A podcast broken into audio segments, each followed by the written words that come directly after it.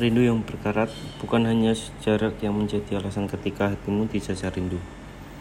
Meski memang nyatanya sang jarak adalah pelaku nomor satu, tetapi bukan berarti ia menjadi alasan satu-satunya bagimu.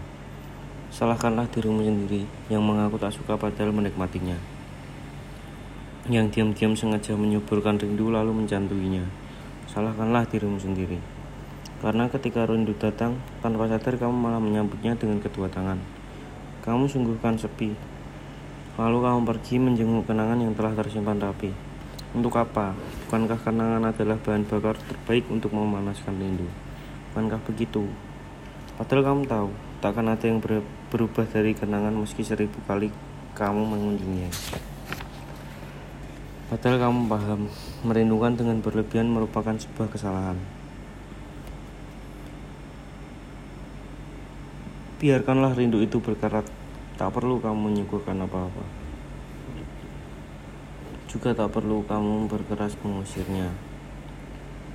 Yang perlu kamu lakukan hanyalah menikmati apa adanya, dengan menjaga batas-batas yang telah ada. Aku hanya diam menatap cermin, menatap pantulan sosokku sendiri yang ternyata jauh lebih bijak dari diri ini.